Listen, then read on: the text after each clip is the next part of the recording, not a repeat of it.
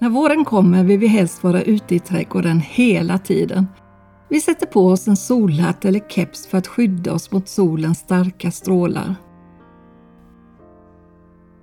Och är vi ute flera timmar och påtar i rabatterna vill vi gärna ha en långärmad tröja för att inte bränna armarna. Och när vi trimmar gräsmattan har vi på oss lämpliga skor och hörselskydd.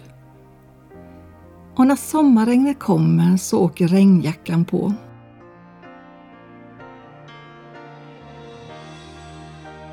Men det är inte bara kroppen som behöver skyddas.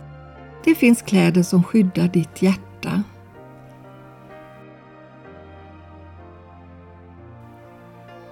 När du döptes gav Gud dig nya kläder. Det är kläder som gör att du hör samman med Jesus.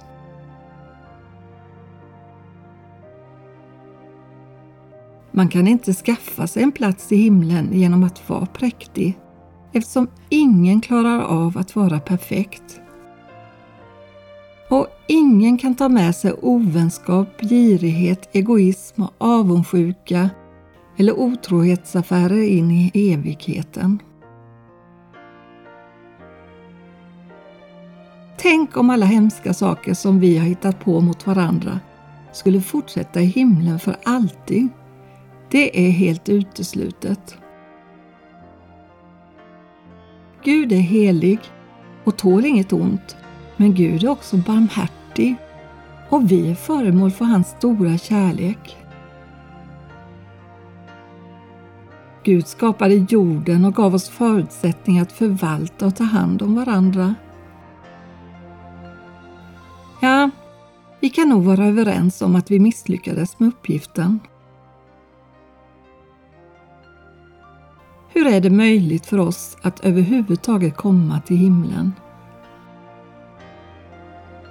Jo, endast genom Guds räddningsaktion. Korset restes där Gud själv genom Jesus valde att ta straffet istället för oss. Vi vill gärna hämnas och straffa andra människor. Men Gud är annorlunda. Han vill frikänna oss trots allt vi har gjort mot hans skapelse.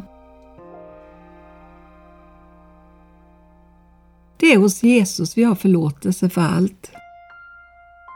I Bibeln står det talas om det optimala fläckborttagningsmedlet.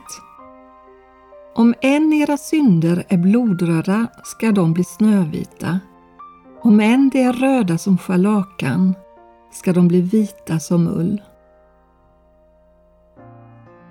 Vita som ull.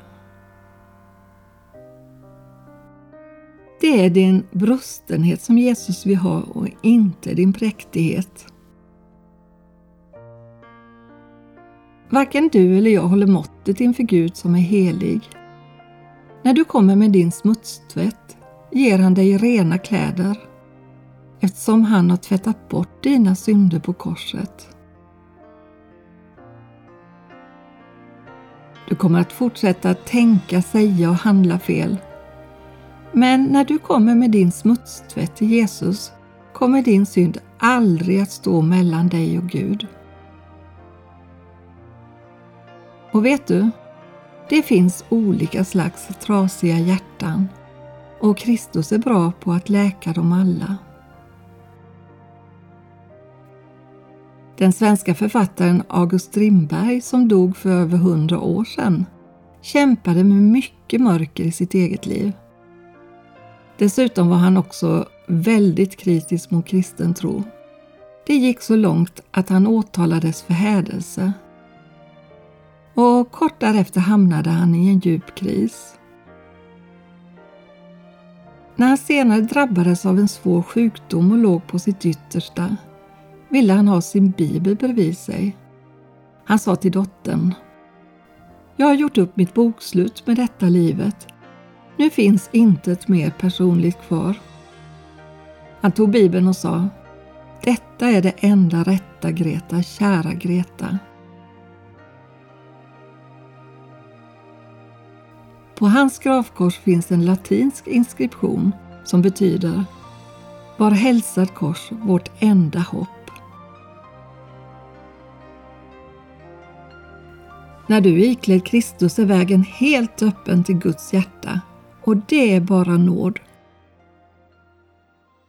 Och om du tvivlar men längtar efter en tro så får du hålla fast vid bibelordet. Ett brutet strå ska han inte krossa och en rykande veke ska han inte släcka. För din frälsning hänger inte på dig. Det är bara nåd.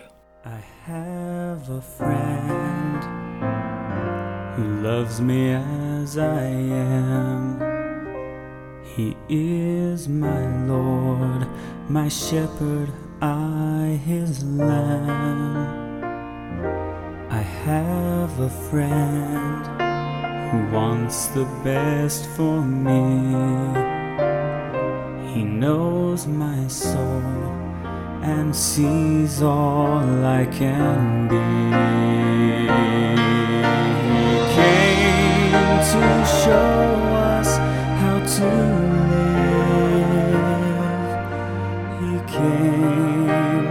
So much love to give. My friend who listens to my prayer, my Savior, He is all. friend.